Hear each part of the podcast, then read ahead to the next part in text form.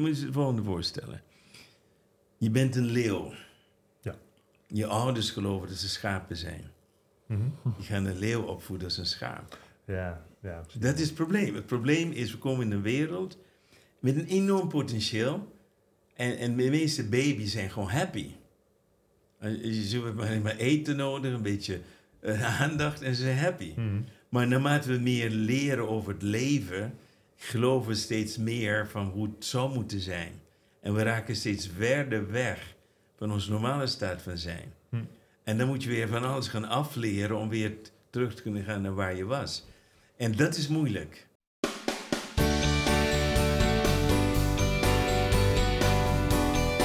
Leuk dat je weer kijkt of luistert naar deze nieuwe aflevering van de Podcast of Hope. En vandaag hebben we in de studio Dr. Roy Martina. We gaan het hebben over hoe hij de wetenschap uitdaagt met zijn energetische geneeswijzen.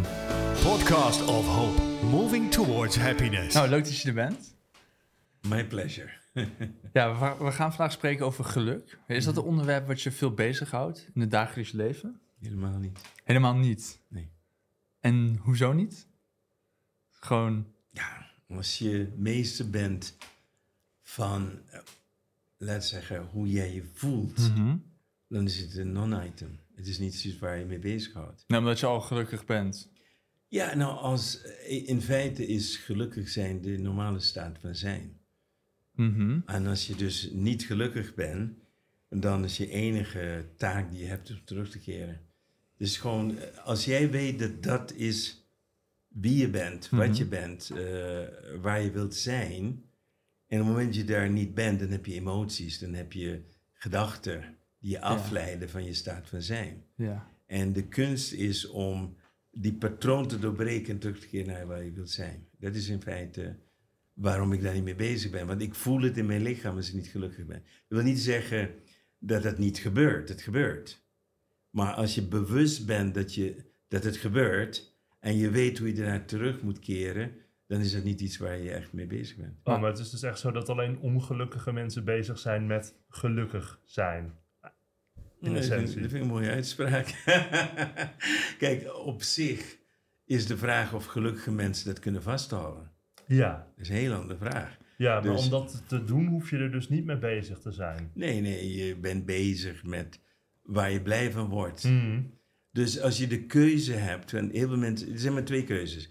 Of je wordt blij van iets, het, het, doet, het geeft je energie, of je bent bezig met iets dat je geen energie geeft. Ja. Nou, als het geen energie heeft, heb je opnieuw een keuze te maken. Je hebt een keuze te maken, kan ik het transformeren op een manier dat het me wel energie geeft? Ja, En als het niet zo is, dan moet je een keuze maken. Wil ik dit doen, dat wat me geen energie geeft, of moet ik ervan weg? Dus als ik een baan heb waar ik niet gelukkig ben, dan moet ik een keuze maken. Ja. Van, kan ik gelukkig zijn in deze baan? Mhm. Wat heb ik daarvoor nodig? En dan ga ik vanuit het niet extern is, wat moet ik zelf doen? ja, dus ik- je, je wil een onafhankelijkheid van de wereld om je heen.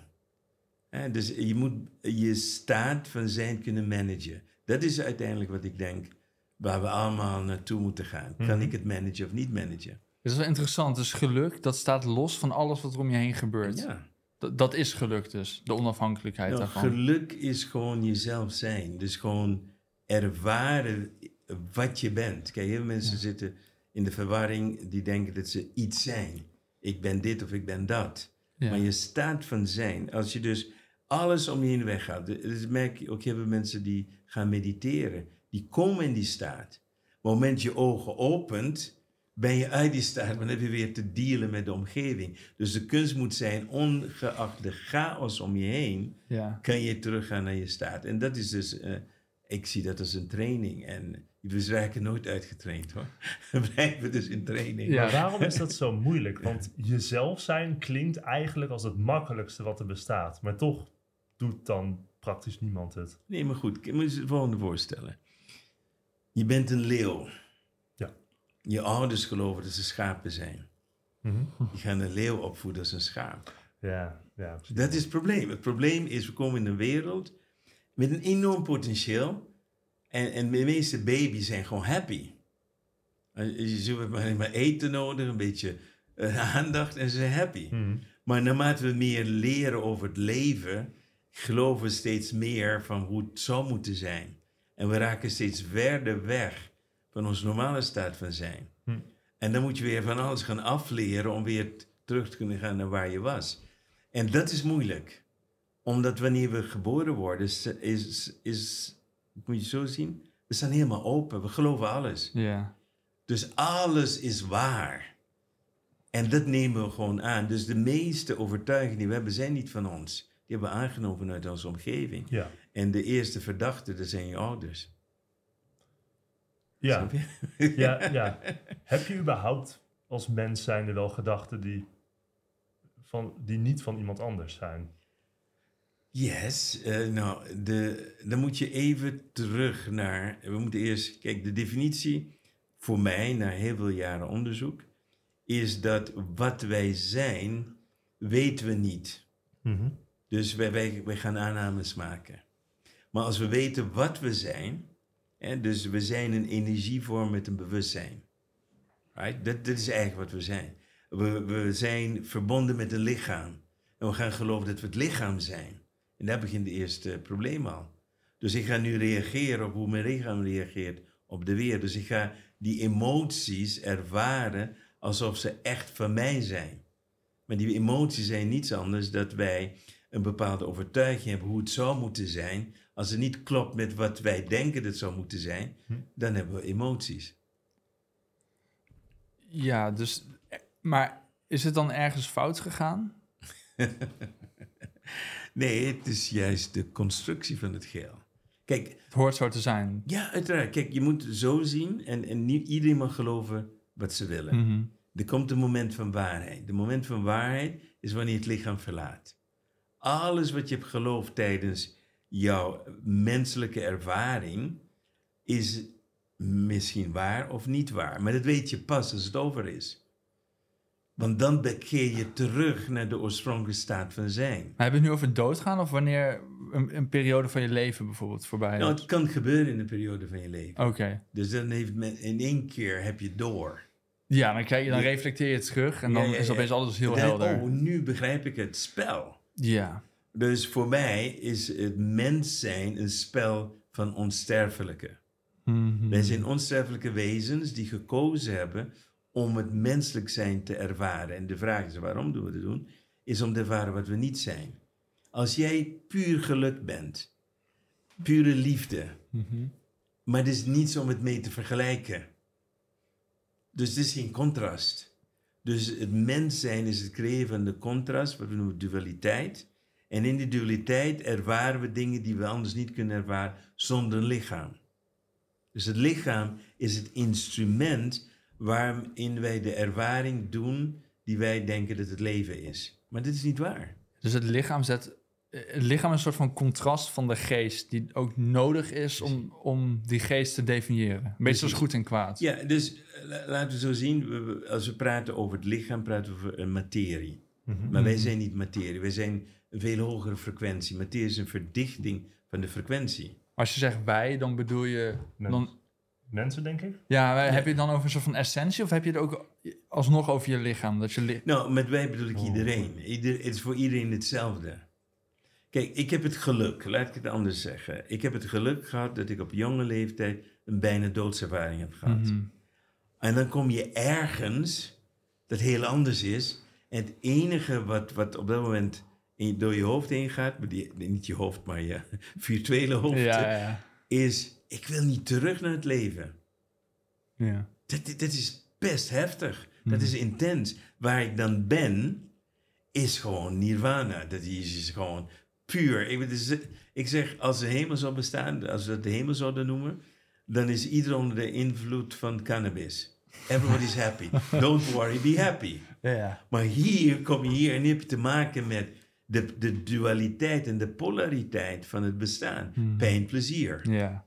En, en dat conflict van pijn en plezier is wat wij niet kennen in onze pure vorm. ja. Dus we zijn gekomen om te ervaren wat het is om in een dualiteit te leven. En dat kennen we dus niet. Op het moment dat het over is, zijn we terug in ons zijn en daar is geen dualiteit. Maar hoe weet je zeker dat eh, bijvoorbeeld juist die bijna doodervaring niet de illusie is en dat het lichaam de echte essentie is. Nou, oké, daar heb ik allemaal experimenten gedaan. De, een van de experimenten was leven van het licht. Ja, Dus als arts is het een paradigma dat wij calorieën nodig hebben, voeding nodig en zeker vocht. ja, dat zou ik ook zeggen. Ja, dat, dat is gewoon, dat is de driedimensionale realiteit. Ja. En we weten bijvoorbeeld dat als je een week geen vocht krijgt en, en geen eten, dat er dus met je lichaam dus zeg maar bepaalde processen dusdanig ver kunnen gaan, Ja. is het nog te herstellen. Je nieren, die, die functioneren op een gegeven moment niet meer. Ja. Dat is onze overtuiging. ja, je noemt het een paradigma, dus het betekent dat het niet per se 100% waar is. Nee, het is niet waar. Nee. Dus als ik, nou, dat heb ik niet uitgevonden, iemand anders die, die liet zien van ja, je hoeft niet te eten, niet te drinken. Ik denk, nou ja, dat kan niet. Ja. Ik ben dan eh, zo gek dat ik zeg, nou, ik ga het ervaren. Als je zes maanden niet eet en niet drinkt, ervaar je iets anders. Je ervaart geen persoonlijkheid meer die je normaal hebt. Mm, Ik heb mm. totaal iets anders ervaren. Ik ervaar puur, ja, hoe moet ik het noemen? Liefde, vrede, bliss Ja. de ultieme ervaring. Maar het probleem daarmee was dat je hoeft niks te doen. Je bent alles al. Snap je? Dus dat was één ervaring waardoor ik nu weet als arts dat het een illusie is dat wij eten en drinken nodig hebben. Dat is één. Mhm. Tweede is dus zo dat ik een, een, een eh, zeg maar expertise heb in hypnose. Nu, ongeacht wat jij gelooft, want je gelooft is gewoon niet als een oppervlakkige laag in je bewustzijn. Als je gehypnotiseerd wordt, dan ga je op een gegeven moment voorbij die oppervlakkige laag, die we kunnen noemen de kritische factor, je, je critical mind, je ego, al dat soort dingen gaat dieper. Je komt diepe staat van, van ontspanning, ervaar je precies zelf geluk, bliss, happiness. Dus al die, die lagen waar we die geloven die echt zijn, als we die afleggen, keren we terug naar de essentie. Dan hebben we een hypnose nog, en ik doe dan een speciale vorm van hypnose, heet kwantumhypnose. Dan kun je iemand brengen tussen de levens in. En je kan iemand brengen naar vorige levens. Heel veel mensen geloven niet in vorige levens. Maar iedereen onder hypnose heeft vorige levens. Dus wat je gelooft of niet gelooft, onder hypnose is je geloof totaal 0,0 waard. Snap je? Dus je, je bent er helemaal open. En dan ga je dingen ervaren. En dan kun je mensen terugbrengen, sowieso in de tijd waar ze een andere lichaam hadden, waar ze een andere ervaring hadden. En je kan ze terugbrengen, en dat eh, weten de meeste hypnotiseurs niet, tussen de levens in. En dan komt bij iedereen uit op hetzelfde.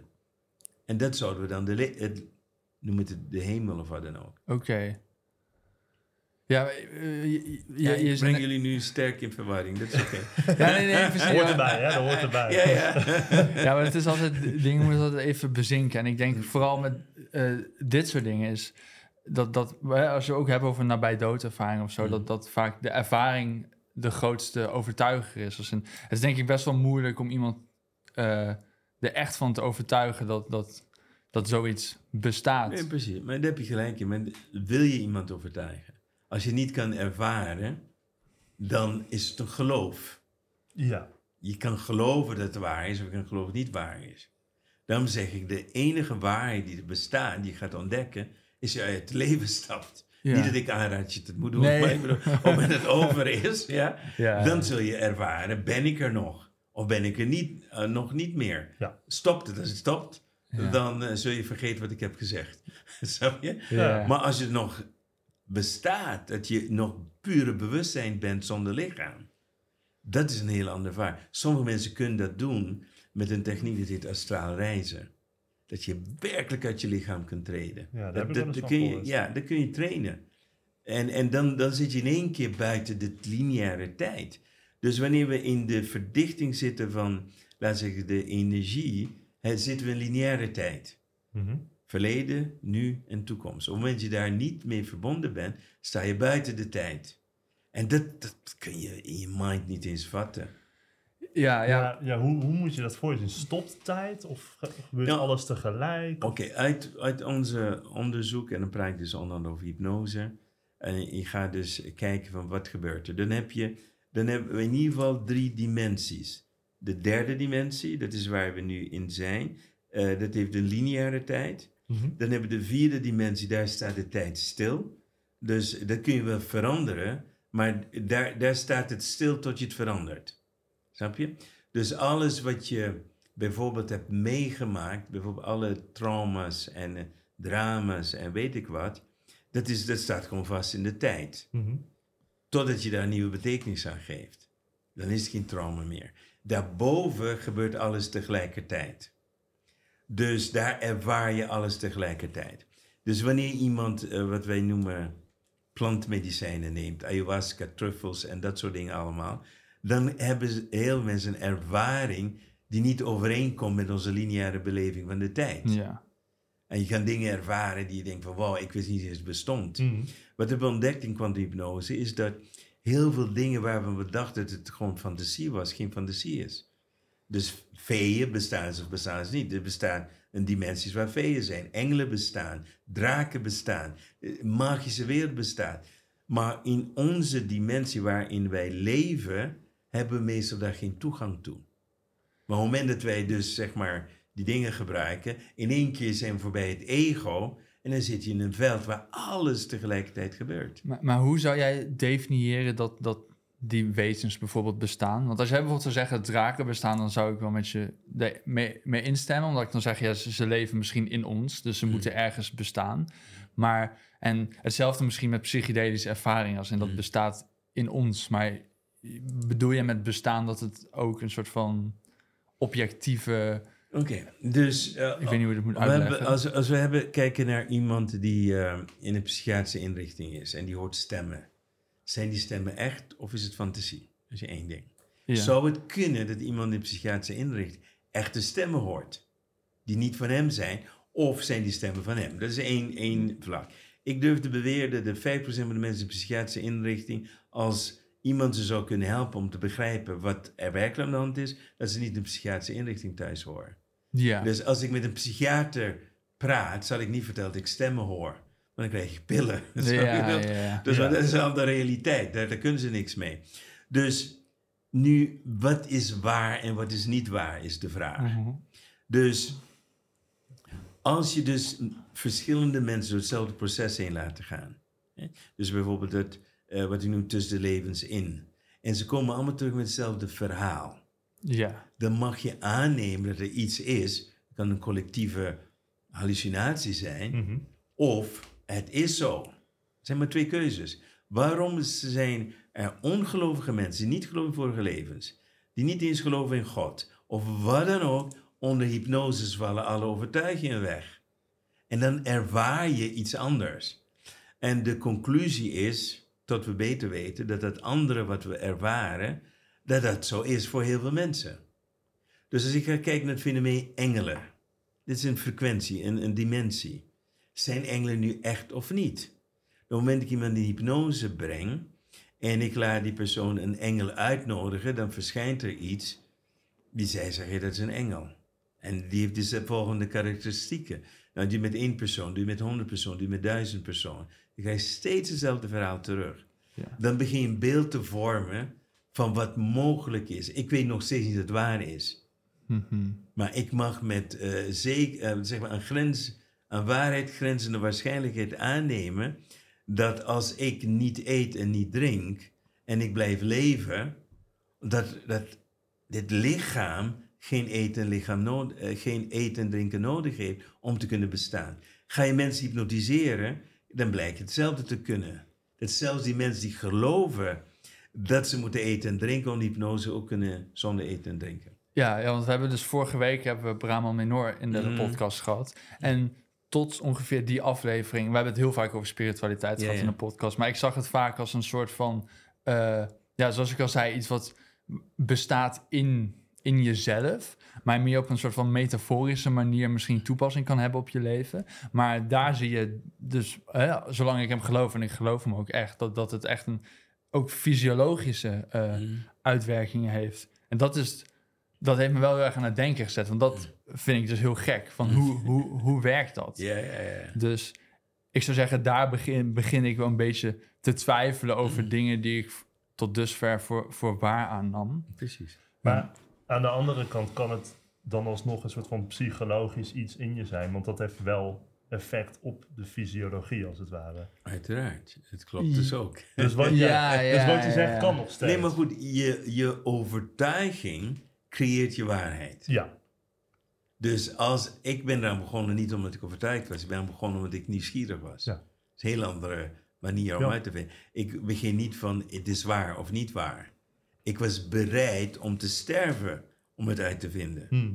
Snap je? Dus als, als je niet bang bent voor de dood, omdat ik een bijna doodservaring Hmm. heb gehad, ben ik niet bang voor de dood. Nee, dus ik denk, oké, whatever happens, happens. Ja. En dat is juist de mentaliteit om zoiets te gaan doen. ja, ja, je zei net tijdens het eten al, ik weet niet meer welke context dat Ja. was, maar je zei van, ja, ik geloof het niet, dus ik ga het proberen. Ja, precies. Vond ik een leuke instelling. Ja, ja. Dus als je alles loslaat wat je denkt te weten, dan Ja. sta je open om te ontdekken dat wat je nog niet weet. Ja. Ja, Dit is alles.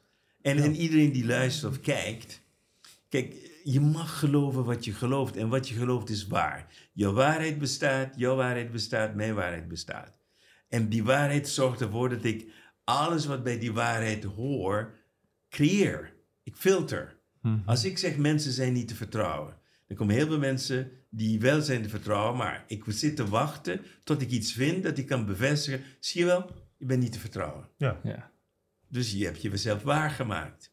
Ja. Zo de waarheid is geen absolute waarheid, het is een gecreëerde waarheid. Hm. Dus wij hebben collectief besloten, als we niet eten, gaan we verhongeren en gaan we sterven. Ja. Maar als je nu gaat kijken naar de statistieken, als je gaat kijken naar heel veel mensen die wonderen hebben meegemaakt, die zijn in een aardbeving terechtgekomen, hadden geen drinken, geen eten. Zie je iets gemeenschappelijk bij de mensen die allemaal overleven? Al die mensen die overleven, die, die zeggen, ja, ik heb gebeden, ik voelde iets anders omheen. Maar ik bad gewoon voor dit of dat. Allemaal zijn dus in een andere ervaring gedoken. En zij zeggen, mijn geloof heeft mij geholpen. ja, Dus we zien dat de mensen langer overleven als ze iets geloven. Begrijp verschil? Ja, ja dus de, de grens ligt dus niet bij je lichaam. Nee. Dus het, ja. Mensen ligt in je mind. Ja, dus, dus dat is dan alweer iets nieuws waar je dan overheen moet gaan. Maar inderdaad, dus je kan... Ja, hoe moet ik dat voor me zien? Je, je, je kan met je geest, kun je, Kun je de wereld... wonderen verrichten. Ah, je moet je voorstellen, hè? We, hebben in, in, eh, we kunnen mensen leren om een, lepeltje te, een lepeltje te buigen. Ja, Met een mind. Hè? Dat je zegt, Ja, kan? Ja, dat kan. Dat kun je dus leren. Dan kun je zeggen, oké, eh, eh, enzovoort. En dan kun je zonder kracht een lepeltje bij. Oké, dat is één ding. We kennen het placebo-effect. Ik denk water, ik geloof dat het medicijn is. Dan gebeurt er wat in mijn lichaam. Mhm. Dus we, we hebben al heel veel tekens dat we meer kunnen met onze mind dan we denken. Aan de andere kant hebben we ook suggesties. Als een arts zegt tegen jou, zeg je hebt terminale kanker, over drie maanden ga je dood. En je gelooft dat, ga je ook na drie maanden dood. Omdat je gelooft Ja. dat het waar is.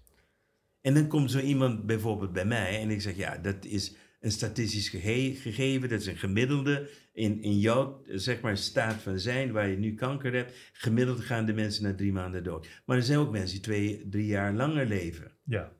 Oké, wat, wat is het verschil dan? Wat is het verschil tussen jou, die dan denkt in drie maanden doodgaan, iemand die twee jaar nog doorgaat, of iemand die beter wordt? Daar moeten we naar kijken. Ja. Snap je? Dus degene die aanneemt van dit is waar, gaat er naar leven. Ik heb in, in mijn eh, studie heb ik meegemaakt dat eh, op een longafdeling twee mensen lagen. Eén met ver- eh, verdacht van longkanker, was een roker. De ander die had waarschijnlijk een dubbele longontsteking. Nou, die hadden dezelfde naam, dezelfde voornamen of initialen. Hun files werd verwisseld. Dus diegene die een bronchitis had, laten we even noemen, pneumonie, geef een beetje naam. Die kreeg te horen, terminale kanker gaat over zoveel tijd dood. De ander met kanker, die kreeg te horen, het is simpel een eh, ontsteking, je krijgt antibiotica. En na zoveel maanden ontdekt ze het verschil. Maar die ene die was dood en die ander was genezen van kanker. Wat is het verschil? Dus als ik een been breek, weet ik dat het drie tot vier weken duurt om te genezen. Maar als ik denk, van, oké, ik kan nu mijn mind gebruiken, kan visualiseren dat mijn been sneller herstelt, een fractuur sneller herstelt, kunnen we dat been, dezelfde been binnen vier tot vijf dagen hele botten hechten weer aan elkaar. Vier tot vijf dagen. Ja, dat kan. Maar de geneeskunde wil daar niet aan, want het is geen goede businessconcept. En, en ik, met alle respect praat over geneeskunde, maar de geneeskunde leeft ook in een kader van wat waar en niet waar is. Ja. En die staan niet open voor niets wat anders is. Dan zeg dat is placebo, dat is kwakzalverij, noem maar op enzovoort. Ik ben eh, een professionele kwakzalver in de geneeskunde. Terwijl ik 80% van de mensen heb genezen die in de geneeskunde niet te genezen zijn. Hoe kan dat? En dan stop je naaldjes voor een acupuncturist waar niks in zit. Is het puur placebo of niet? Maar als het puur placebo is, waarom gebruik placebo dan niet? Begrijp je verschil? Dit- is gewoon het probleem. Ja, want als placebo werkt, gebruik dan placebo. Toch? Ja. Precies. Maar de farmaceutische industrie heeft een probleem met placebo. Want zij moeten bewijzen dat het middel beter is dan placebo. En het wordt steeds moeilijker, Ja. omdat het placebo-effect steeds sterker wordt. Ja. Dus bepaalde geneesmiddelen die 20 jaar geleden zijn goedgekeurd, zouden nu niet meer goedgekeurd worden. Omdat het placebo-effect ondertussen sterker is geworden. Hmm. Dus ja, we leven in een wereld waar alles nu aan het veranderen is.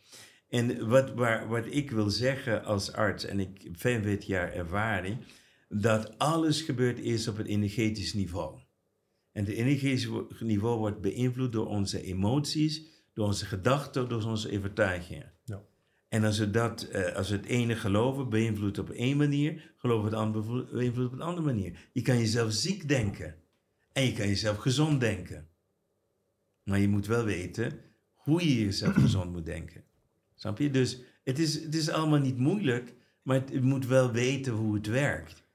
Ja, wat, ik, wat ik makkelijker vind om te zien is hoe hè, je mind als het ware, hoe, dat staat überhaupt met je lichaam in contact. Hè. Je brein ligt in je, Mm. lichaam überhaupt. Mm. Dus dat, die helende werking, dat snap ik nog ergens. Mm. Maar wat ik niet begrijp is hoe kan eh, ja, bewustzijn, zou je dan zeggen, hoe kan dat dan die lepel buigen? Dat begrijp ik niet, want dat is extern aan je lichaam. Ja, maar ook als ik aan die lepel denk, dan denk ik aan Uri Geller Uri en aan ja. illusies. En niet aan iets wat echt... Ja, jij Echt zegt kan. illusies, is dat zo? Ja, nou ja, al, ik, ik, Ja, kijk, ik, zeg jij. ik ben niet gespecialiseerd in Uri Geller, maar een illusionist die, zou, die doet net alsof. Ja, die heet doet- letterlijk een illusionist. Ja, nee, dit is niet waar. Uri Geller is echt. ja, hij is een echt persoon. Hij is echt, hij kan dat echt. Hij is een van de beste remote viewers ter wereld. Hij kan zien wat er gebeurt op een andere plek. Hij kan een straal reizen. Ga terug naar Nostradamus. Nostradamus kon dingen die normale mensen niet kunnen.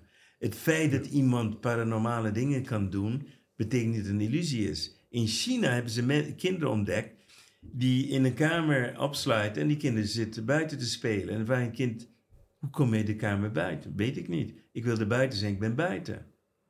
We kunnen, eh, er zijn mensen die telekinese kunnen doen. Die kunnen voorwerpen laten bewegen. Ja, hoe doen ze dat?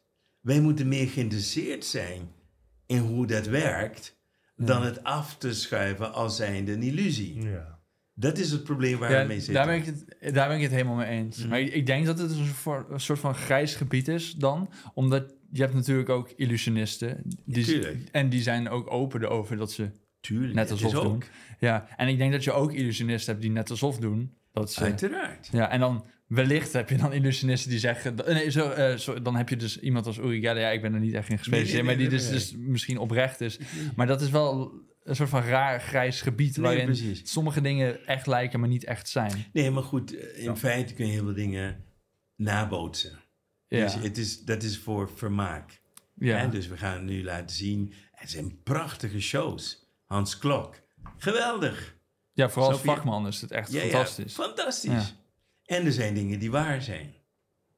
Snap je? Ja. Dus als we gaan kijken, er is een boek dat heet De Meesters van het Verre Oosten.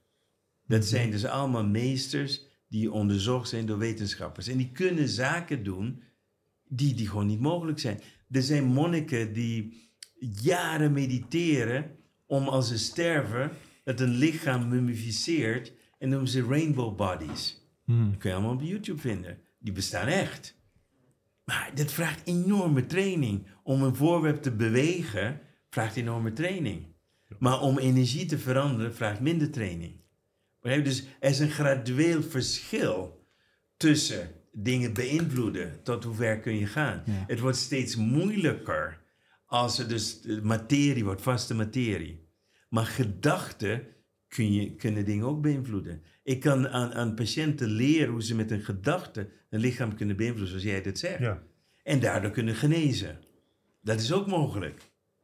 Maar de geneeskunde doet daar niet aan mee, omdat de geneeskunde niet zoveel tijd wil besteden aan dat soort dingen. Die wil gewoon een receptje voorschrijven en die, dan, dan is dat klaar. Maar dat betekent niet dat het niet waar is. Dus wanneer de geneeskunde zegt dat is niet waar, is dat dus niet noodzakelijkheid waar.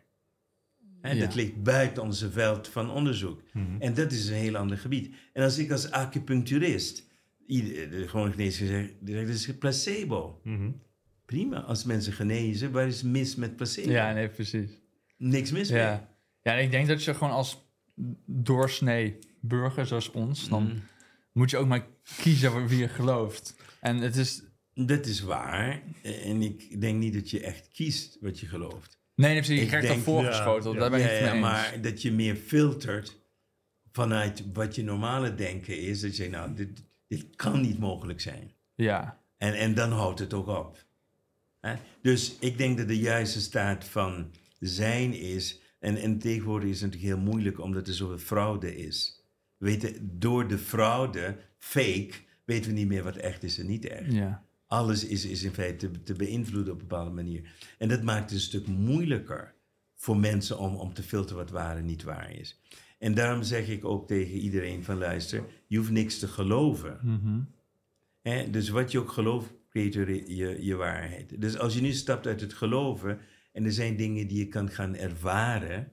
Als je gaat leren mediteren en je ervaart die vrede, je ervaart die liefde.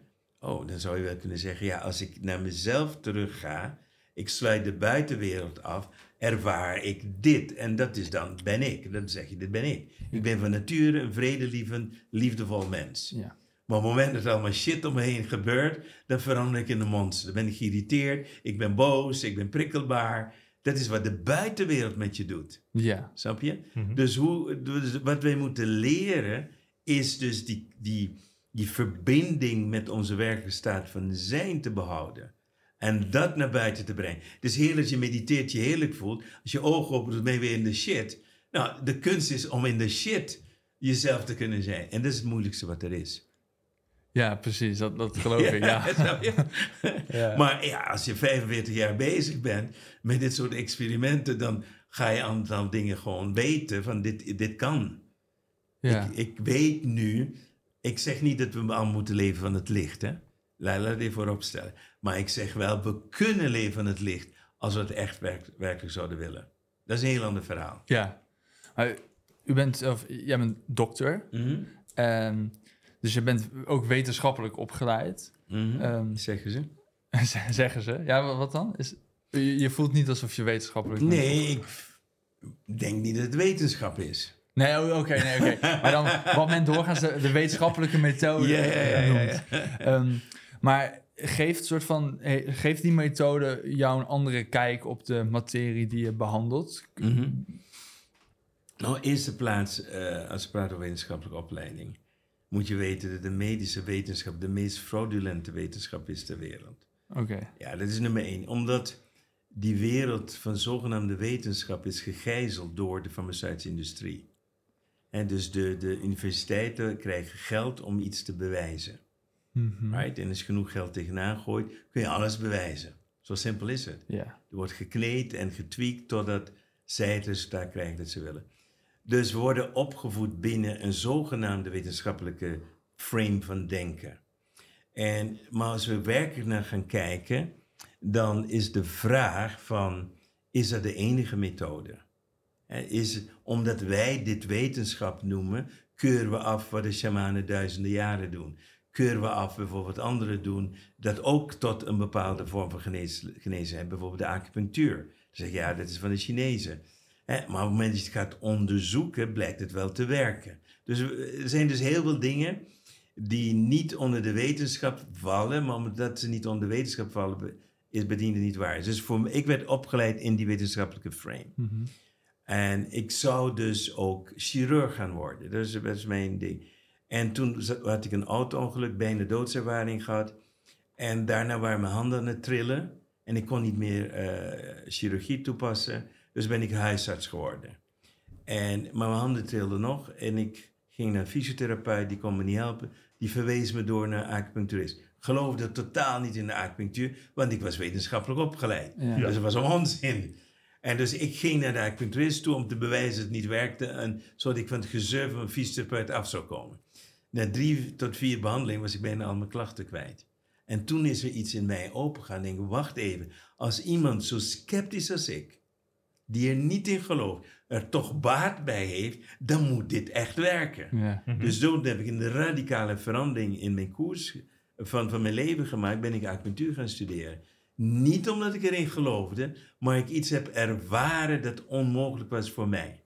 ja. En zodoende ben ik op een heel andere weg gekomen. En dan kom je in een andere weg waar andere methodieken zijn. Waar ik als wetenschappelijk opgeleide, was ik, was ik nog heel erg wantrouwend.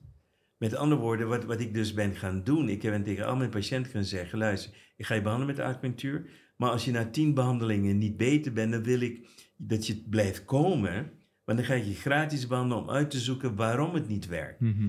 En zo heb ik een enorme kennis en ervaring opgedaan. En heb ik ontdekt bijvoorbeeld wat de tekorten waren in acupunctuur. En dan ga je verder studeren en verder studeren. Zo ben ik al 45 jaar aan het- het studeren. en het is nog steeds niet compleet, maar het is vele malen beter dan wat ik heb geleerd in de westgeneeskunde. Dus ik ben niet geen tegenstander of voorstander van het een of het ander. Ik ben op zoek naar wat werkt het meest effectief. En dan krijg je eigenlijk een, soort combinatie van verschillende dingen. Ik begrijp nu dat alle problemen beginnen op energetisch niveau. Als we dat niet oplossen, en dat is het niveau van de acupunctuur, dat is het niveau van de homeopathie, dat is het eh, niveau van visualisaties, noem maar op. Dat is allemaal energie.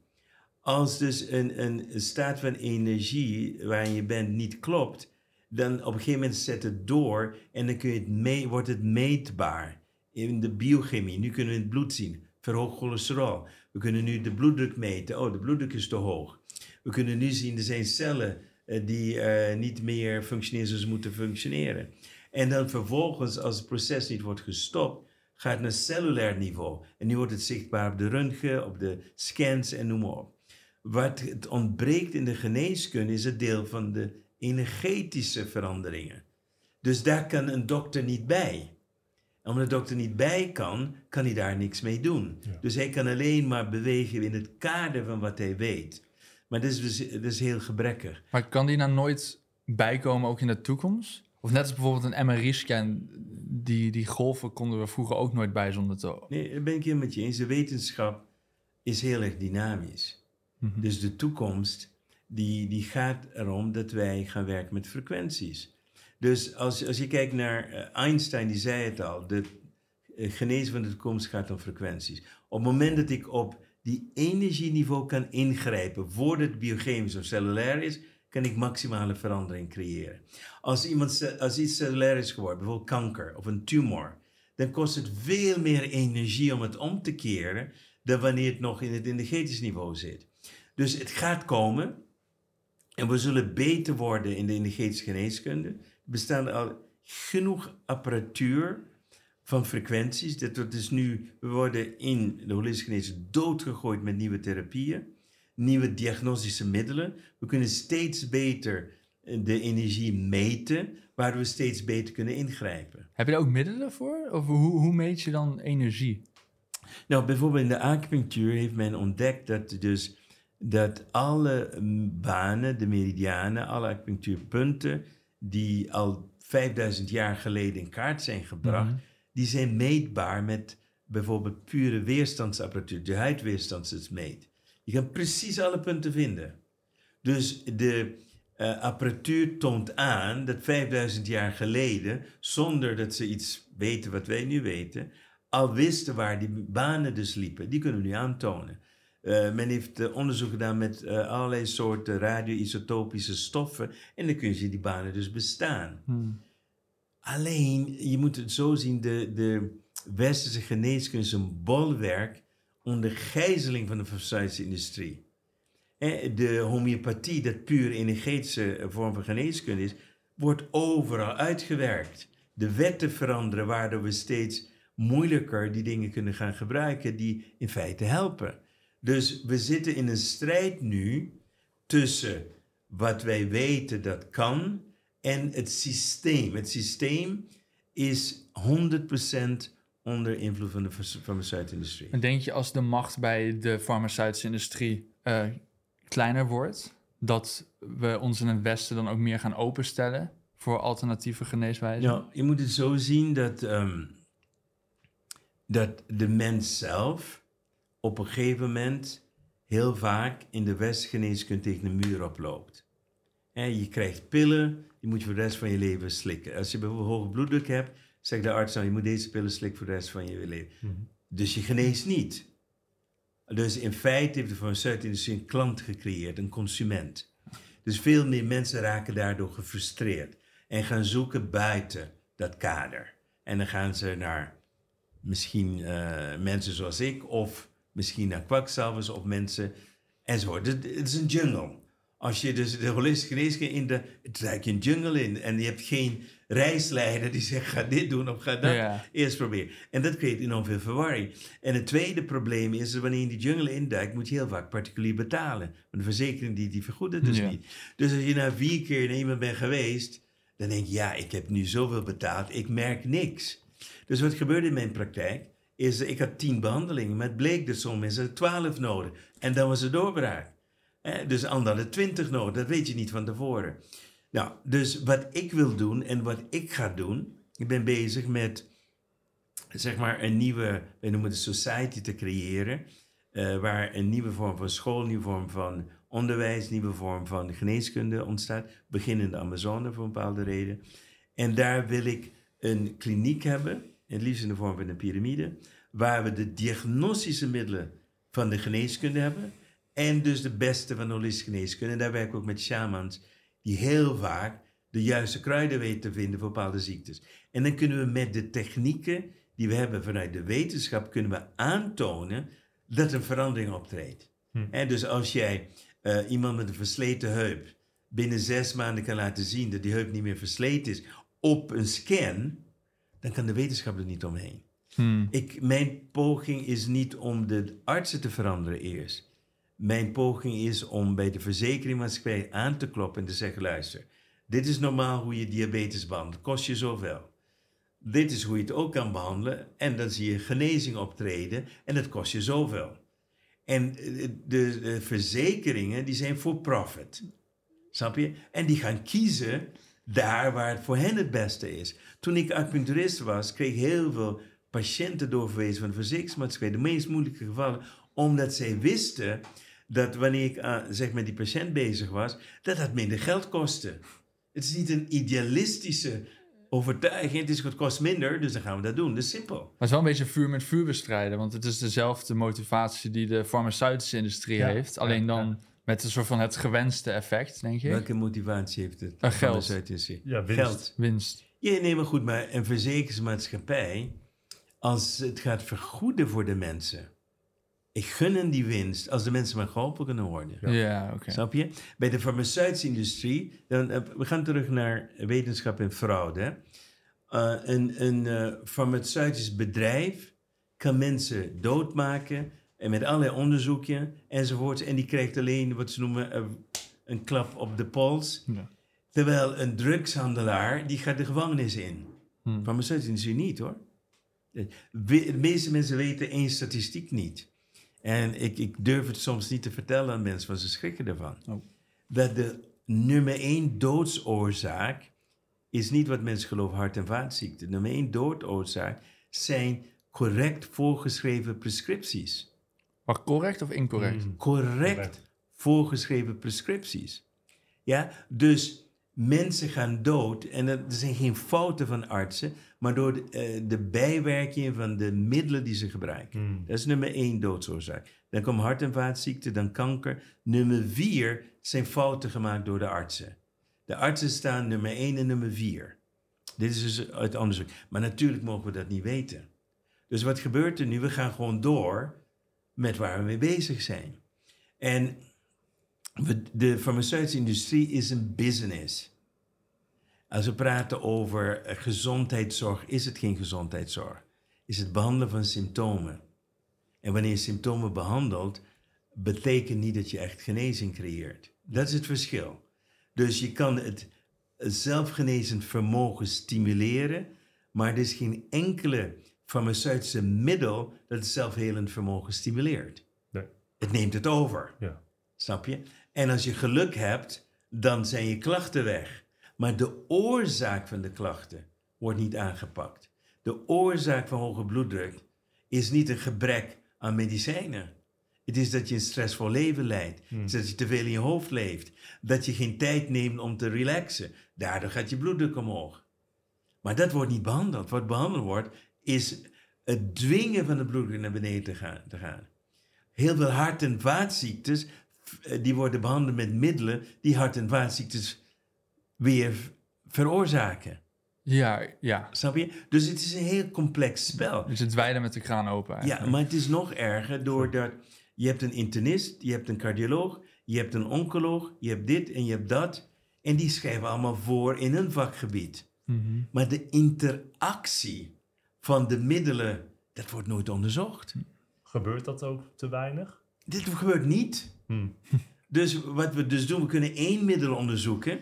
En dan kunnen we op basis daarvan zogenaamd conclusies trekken. Maar wat we dus niet doen, is de combinatie van vier of vijf of zes middelen. Wat normaler is dat je één middel krijgt. Ja. En je krijgt een cocktail van chemicaliën. Als je die cocktail geeft aan gezonde mensen, voelen die ook niet lekker. Nee, dat, dat lijkt me ook. Dat is een probleem. Ja. Het zijn chemicaliën. Ja, ja, medicijnen zijn op een manier ook een beetje een laatste redmiddel vaak. Helaas is het niet waar. Nee, maar als in om, om, het, wat comfort, om het leven wat comfortabeler te Ja, maken. maar goed, net je- wat je zegt, niet om... eh, Je hebt constipatie, ga naar de huisarts. ja, Je krijgt een laxeermiddel. Ja, ja, Dat heb je opgelost. alleen het symptoom. Je gaat door met de leefwijze Ja. die dat probleem heeft veroorzaakt. ja, nee, dat, dat is zeker waar. Dus vanuit holistische geneeskunde zeggen we dat een ziekte een uitnodiging is tot verandering. Ja, Dus op het moment je hoofdpijn hebt, chronische hoofdpijn, je krijgt een pil, ja, die pijn is dan weg, maar de oorzaak van de pijn is dus niet weg. Dus je zou die pil moeten blijven slikken, omdat je doorgaat met nog steeds te doen wat de, eh, wat de hoofdpijn veroor- veroorzaakt. ja. Dat is de grote dilemma en de grote drama van geneeskunde. En ik praat dus niet verkeerd over artsen. Ik geloof dat artsen allemaal hun best doen. tuurlijk. Maar ze doen hun best binnen het kader Ja. dat zij geloven dat wetenschap is. Ja. En ze noemen mij een kwakzalver.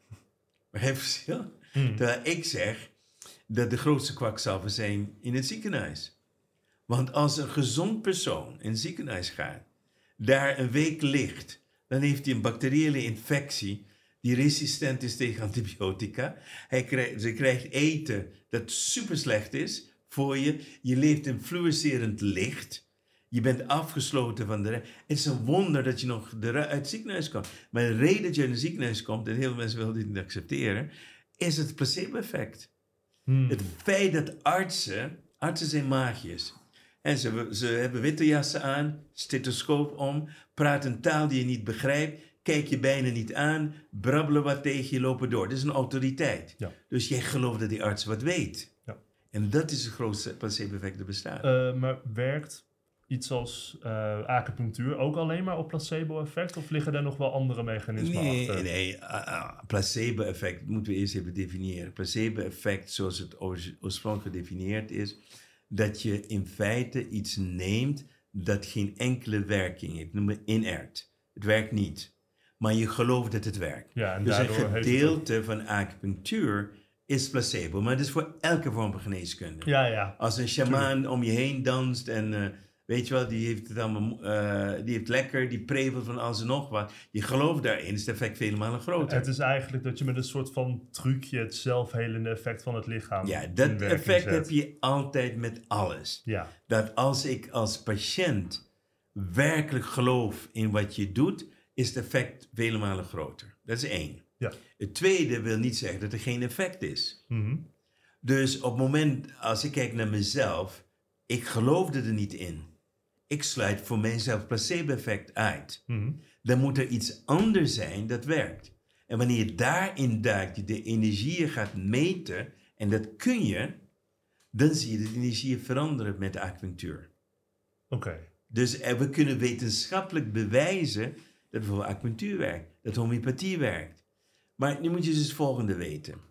Toen ik eh, begon aan mijn reis als, als, als holistisch arts, ik geloofde ook niet in homeopathie, maar op een gegeven moment gebeurde iets waardoor ik ben gaan geloven. En toen dacht ik, ja, als dit werkt, dan moet het kunnen bewijzen. Hm. Dus ik heb een model gecreëerd, ben in de vuur gestapt met een collega van mij, Re- René Zuidinga, we gingen daar naartoe. Wij zeggen, we willen bewijzen dat homeopathie werkt.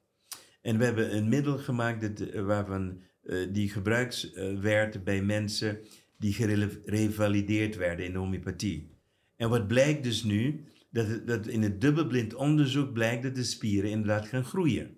En we kunnen die spieren dus, we kunnen het middel dus, dubbelblind betekent dat nog de arts, nog de patiënt weet wat echt is. Ja. We hebben dubbelblind aangetoond dat homeopathie werkt. Nou, ik was super blij, ik was echt in de zevende hemel. Ik denk, nu ga ik dit publiceren. Ik heb alle tijdschriften aangeschreven, de Lancet, Nederlands tijdschrift van geneeskunde, noem maar op.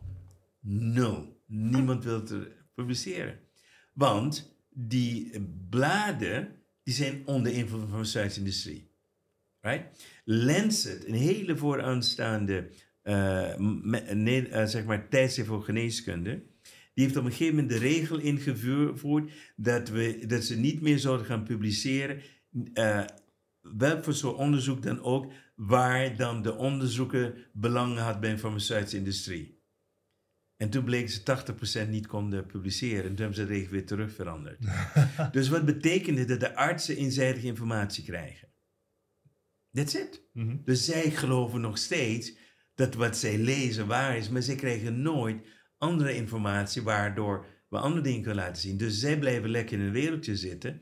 En de, zeg maar, de holistische geneeskunde, die zit ook in zijn wereldje. Ja. En die twee communiceren niet met elkaar. Gaat dit veranderen in de toekomst? Er is in Nederland een verandering. Je hebt nu wellnessartsen in Nederland.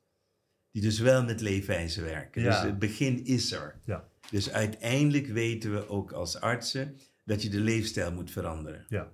En, en dus eh, in de gewone geneeskunde heeft dat niet een, een prioriteit. Maar het is langzaam maar zeker begint daar een verandering in te komen. Dus er is hoop. En ik, ik verwacht ook dat wanneer je kan bewijzen echt dat het werkt op basis van de wetenschappelijke principes die gehanteerd worden in de westerse geneeskunde, Mhm. dan kunnen ze er niet omheen. Dat is dus het, het, het verhaal waar ik heilig in geloof. Ja. Maar het is, ik zoek niet naar de artsen of de universiteiten. Ik wil eerst praten met de verzekeringsmaatschappijen. Als die meegaan, dan komt de rest later wel. Ja. Want dan worden artsen gedwongen ook om te zeggen, ja, maar wacht even, dit is een middel die wel diabetes geneest. En hoef je niet meer voor de les van je leven die pillen te nemen. Dat, dus het gaat komen. Er komt een tijd waarin we werkelijk met frequenties gaan werken. En we dus zelfs dingen zoals kanker kunnen genezen, puur met frequenties. Want alles heeft een frequentie. Net zoals je met een koptelefoon geruis kunt uitschakelen. Weet je wel, de, de, hoe nu de noise... eh, noise cancelling. met frequenties precies hetzelfde. Dus Ja, elke vorm van ziekte heeft zijn frequentie. Dus als je daar een tegenfrequentie creëert, krijg je ook die noise ja cancelling. in, interferentie heet dat volgens mij. Ja, precies. Ja. Ja, nou, ik, ik denk dat we hier heel lang over door kunnen Ja, gaan, maar we zijn al ja. ver over de tijd. Ja, oh my Eh, god. oh, sorry. maar ik wil dat, eh, het is toch een beetje traditie om hier onze gasten te vragen naar een voorwerp. Dus Ja, laten ja. we dat nog even snel doen. We vragen het gast een voorwerp eh, mee te nemen als ze gelukkig van worden of inspiratie uithalen. Wat heb jij meegenomen? Ik heb dit meegenomen. Dat is een, een soort, ehm, ja, het is een, een, een combinatie, een soort kristal met kleuren enzovoort. En de reden dat dit voor mij eh, geluk geeft, is dat toen ik eh, een maand eh, dus aan het leven was van het licht, ben voorbereid, dat ik elke dag hier dus al die liefde die ik voelde, Hmm. dat ik niet normaal van mezelf kende, ik hield dit vast. Hmm. En toen heb ik dit aan verschillende supergevoelige mensen gegeven en die voelen het dus ook. Hmm. Dus elke keer als ik dan down ben, Ja. zeg maar even, dan hou ik het vast en dan verbind ik me weer met die liefde. En dat geeft me geen enorm gelukkig gevoel. Ja. Dus dit is mijn antidepressie, anti-knuddig gevoel, geluksding. Dus Ja. hiermee kan ik heel snel terugkeren naar, naar een, een, een gevoel van, van geluk en, en liefde. En zit, dat, zit dat geluk en die liefde in de steen? Of herinner je je dan aan het geluk en de liefde in jezelf? Ik geloof dat over de tijd het minder in de steen zit. Ja. Hè? Want op een gegeven moment die, die amplitude van die frequenties worden minder. Hm. Maar het vasthouden, dat door die herinnering kom je terug. Het is een beetje door een tijdreis. Ga je terug Ja, precies. en dan denk je dus, aan de ene kant maakt het niet of het erin zit of niet. Ik ben een, een, een verbinding met een tijd waar ik zo verbonden was met wat ik noem goddelijke liefde, Ja. dat het me onmiddellijk terugbrengt naar die staat. En dus als ik het even niet ziet zitten, dat komt zelden voor, heb ik altijd zeg maar een manier om er heel snel uit te komen. Ga ik stilzitten, hou ik het vast. En onmiddellijk voel ik het weer stromen. En je hebt volledig gelijk, misschien zit niet een steen. Als ik aan jou geef, heb ik misschien helemaal dat gevoel niet. ja, ja, Maar andere wel. hypersensitieve mensen kunnen wel iets voelen. Hmm. Hè, snap je? Dus het hangt ook af van hoe gevoelig jij zelf bent. ja. Dus het speelt ook een rol. Ja, mooi. Ja, nou, nou, dan sluiten we hem hierbij af. Ja. heel erg bedankt Heel dat je langs bent gekomen. Het was een waar genoegen. en ik denk dat we 1% hebben behandeld van wat we in intentie hadden. Maar het is perfect. Ja, het precies. is precies, het gaat zoals het gaat. Ja, we kunnen uren doorgaan. Ja, jullie ook bedankt dat ik hier mocht zijn. Dat vind ik fantastisch. En ik wens jullie heel veel succes met je werk. Jullie zijn echt baanbrekend bezig. Ja. En ik sluit me daar graag bij aan. Ja, dat dankjewel. waardeer ik. Dankjewel. Leuk dat je hebt gekeken of geluisterd naar deze aflevering van de Podcast of Hoop. We hopen dat je ervan hebt genoten of misschien zelfs geïnspireerd door bent geraakt. Iedere zondagochtend om 10 uur komt er een nieuwe aflevering online op Spotify, YouTube en al je andere favoriete podcastkanalen. Ook kun je ons vinden op www.podcastofhoop.nl. Tot ziens en veel geluk. De wereld waarin we leven biedt nog geen gelijke kansen. Voldoende eten en drinken. Een adequate opleiding. Goede gezondheidszorg. Vrede en geluk is niet voor iedereen weggelegd. Maar stap voor stap wordt het beter. En zijn we op weg naar een octopische samenleving waarin iedereen zijn of haar leven als goed kan beschouwen. Het is een lange reis, maar we zijn op weg. Podcast of Hope. Moving towards happiness.